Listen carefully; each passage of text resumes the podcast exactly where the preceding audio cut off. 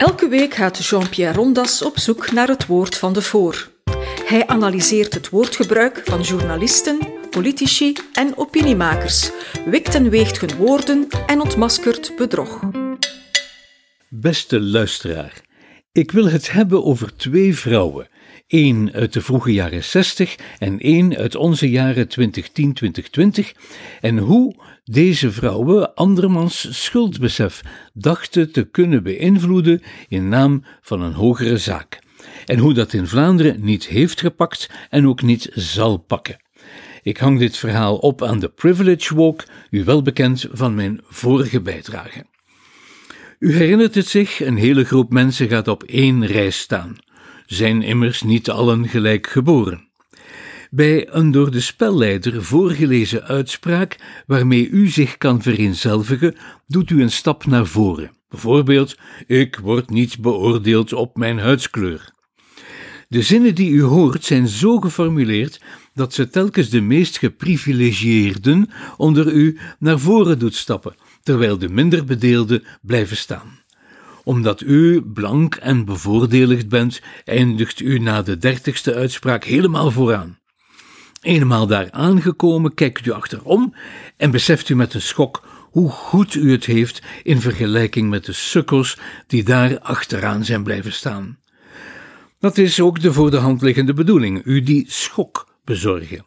Maar er komt schuld bij kijken, onuitwisbare, onvergeeflijke schuld. Daar had u voorheen nooit bij stilgestaan, en nu staat u daar tot inkeer te komen. Hoe heeft nu die oude schuld weer de kop opgestoken? Laten we beginnen bij de eerste van mijn twee activisten, de vrouw uit de jaren 60. Een Amerikaans auteur heeft zich onlangs de moeite getroost om de oorsprong van het spel van de Privilege Walk op te sporen. En hij kwam zowaar uit bij de marxistische filosoof Herbert Marcuse en bij Ron Hubbard, de stichter van Scientology. Twee fenomenen van de vroege jaren 60 die verschillende componenten van 68 mee hebben voorbereid. De samenvatting van dat lange artikel van die Amerikaan luidt: hoe Herbert Marcuse's weduwe, hier is de eerste vrouw, hoe zij de methodologie van een met Scientology verbonden therapeutische subcultuur gebruikte om de identiteitspolitiek in een spel te veraanschouwelijken en hoe ze dusdoende meehielp om Amerikaans links het heilloze pad van de identitaire psychobabble op te sturen. Deze tekst schetst treffend de continuïteit van de Californische 60s mentaliteit tot vandaag.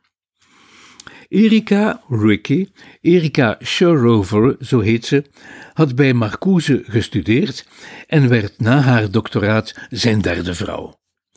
Na een poos in een kibbutz te hebben gewerkt, benoemde ze zichzelf tot professioneel counselor in de Verenigde Staten en stortte ze zich daar in de diversiteitstraining-industrie, waar ze al snel een werkvorm ontwierp die ze de Power Shuffle noemde. Power Shuffle, machtsherschikking of machtsherverdeling. Macht paste namelijk in haar onderdrukkingstheorie, want voor deze marxistisch geschoolde academica had het uitbuitingsconcept afgedaan. Mensen werden niet meer uitgebuit, maar onderdrukt om wat ze waren. Vrouwen, zwarte, zwarte vrouwen, zwarte lesbische vrouwen, het hele gamma van kleine identiteiten, zoals ze door Mark Elgardus worden genoemd in zijn boek Reset, en zoals we ze vandaag kennen. Deze algemene onderdrukking nu had slechts één hefboom, namelijk racisme. Over racisme koesterde Ricky tegenstrijdige opvattingen. Enerzijds was racisme alomtegenwoordig en was er geen ontsnappen aan. Blanken waren als het ware gedoemd tot racisme. Erfzonderlijk eigenlijk. Anderzijds was het blijkbaar toch mogelijk om enkele gevolgen van racistische conditionering af te leren. Daartoe dienden namelijk haar werkgroepen en haar zogenaamde counseling. Dus erfzonde, maar gematigd door de biecht. Volgens Christian Parenti, de auteur van dat artikel, is Ricky de oervorm van de Privilege Walk bij Ron Hubbard gaan halen. die toen nog niet bezig was met de secte of de godsdienst die hij later Scientology zou noemen. Door slechte organisatie ging zijn Dianetics-beweging weliswaar failliet, maar Ricky hield er de centrale betekenis van de bekentenis en de biecht aan over. Haar werkvorm moest onderdrukkers en onderdrukten tegenover elkaar plaatsen. De racistische onderdrukkers moesten gebracht worden tot zelfverwerping en berouw over iets waaraan ze zelf geen schuld hadden. En in plaats van in te treden in een streng katholiek nonnenklooster waar ze zich zo schuldig kon voelen als ze wou, ontwierp Ricky de Privilege Walk. In haar geest spoorde dit alles met wat ze bij Herbert Marcuse had geleerd. Zoals zoveel andere Marxisten had deze 60s-filosoof ingezien dat het wetenschappelijke Marxisme niet meer klopte en niet meer werkte, al was het maar omdat de arbeiders konden genieten van de welvaartsstaat en zich sowieso niet meer uitgebuit voelden. En ook hij verving de term uitbuiting door onderdrukking.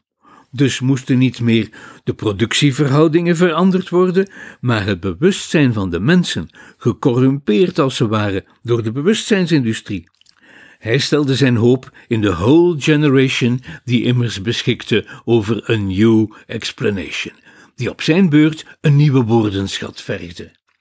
Er moest met de taal van de heerschappij gebroken worden, en ook dat werd aangeleerd in allerlei werkvormen. Maar het belangrijkste was en bleef schuld, schuldbesef en schuldbeleidenis. Er moesten bekentenissen afgedwongen worden aangaande het witte privilegie. De privilege walk kreeg schuldgehalte en schuldgestalte en die komt dus uit de 60s. Tot zover voor de eerste activistische vrouw. De tweede, die zich met witte schuld inlaat, past volledig in het academische woke en social justice klimaat van vandaag. Want in het Wikipedia-artikel over wit privilege staat een alinea over de stand van zaken van de studies over dit woke-concept in België, met een directe verwijzing naar een tekst van de Vlaams-Nederlandse academica Anja Topolski over het christelijk privilege, dat in België, meer dan in Nederland, naast het witte privilege belangrijk zou zijn. Dit artikel verscheen in MO Magazine christelijk privilege. Dat leek me origineel. Interessant ook in het licht van de bekokstoofsels van Ricky. Nog veel interessanter was dat Anja Topolski wel een klok zag, maar nergens een klepel wist te ontwaren. Als docent aan de Radboud Universiteit Nijmegen had ze ergens een lezing gegeven over postkolonialisme, antisemitisme en islamofobie. Waarover anders kan je vandaag nog een lezing geven trouwens. In de namiddag had ze deelgenomen aan groepsdiscussies, ik citeer, groepsdiscussies gebaseerd op het Privilege Walk model. Dat was interessant. Daar was haar opgevallen dat het debat over wit privilege in Vlaanderen zoveel persoonlijker en pijnlijker was dan elders. Na enig nadenken was ze tot de conclusie gekomen dat de oorzaak daarvan wel moest gelegen zijn in het resterende christendom en de weliswaar geseculariseerde Vlaamse katholiciteit. Dus construeerde ze naast een wit en een mannelijk nu ook een christelijk privilege. Tot zover de klok, haar klok, want op welke wijze het christendom een privilege zou kunnen zijn, maakt ze nergens duidelijk. Ze poneert veel. En nu de klepel, namelijk, hoe kan het anders? De schuld. Ze had gemerkt dat de Vlaamse, witte, vrouwelijke postkatholieken in haar groepje onrustig werden bij de hoge schulddosissen die ze bij de Privilege Walk te verwerken kregen, omdat die vrouwen, die Vlaamse vrouwen, dat associeerden met de schuld die hen in hun jeugd werd aangepraat door de katholieke kerk. Daaruit trekt Topolsky twee conclusies. Ten eerste, er heerst in Vlaanderen veel christelijk privilege.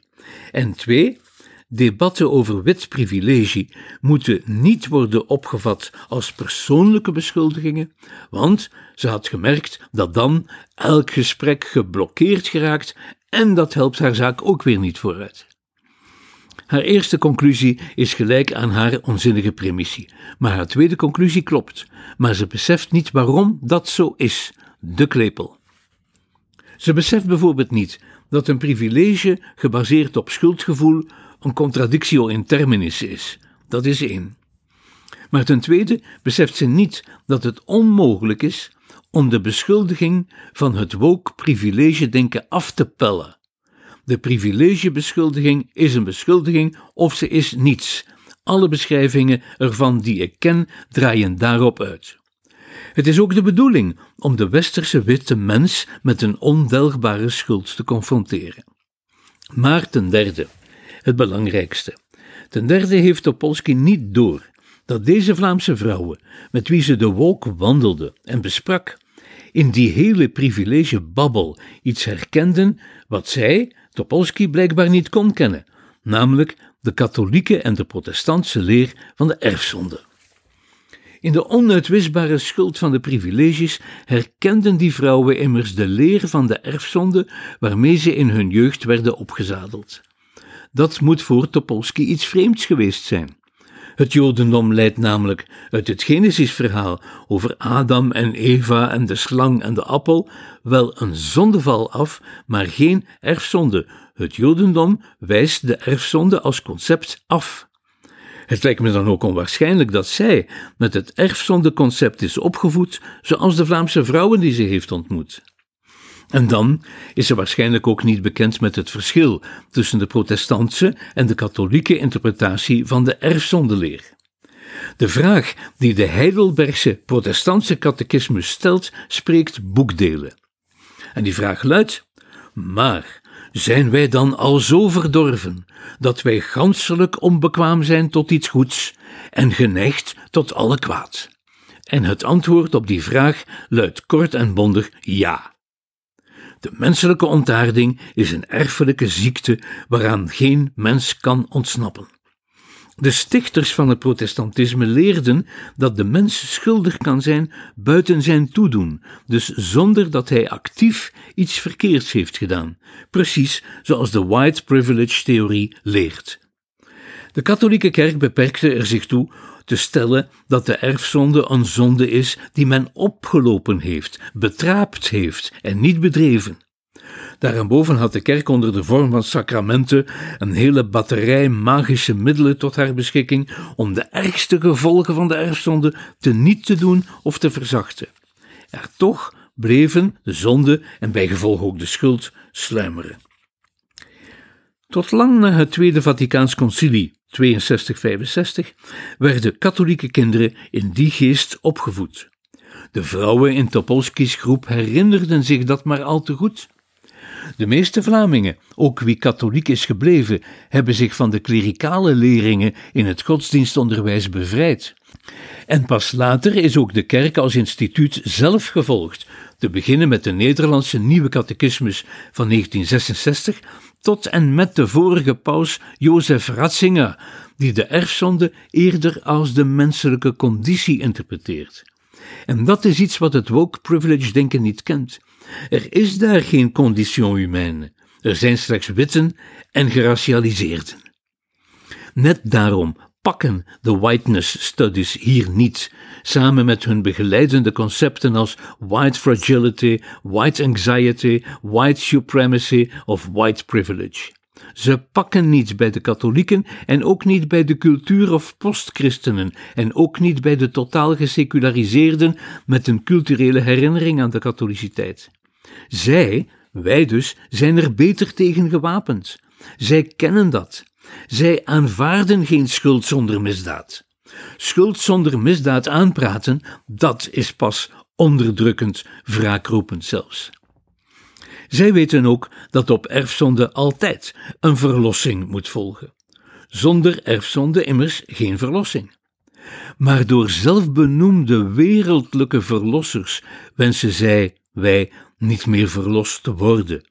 Niet door Derde Rijkaanbidders, niet door marxistische theoretici, niet door communistische praktici en al helemaal niet door woke politiek correcte hysterici. Want dan komt de engel met het grote mes. Dit was een episode van Doorbraak Radio, de podcast van doorbraak.be. Volg onze podcast op doorbraak.be/slash radio of via Apple Podcasts, Overcast of Spotify. Bezoek ook onze website op doorbraak.be en steun ons door een vriend te worden van Doorbraak.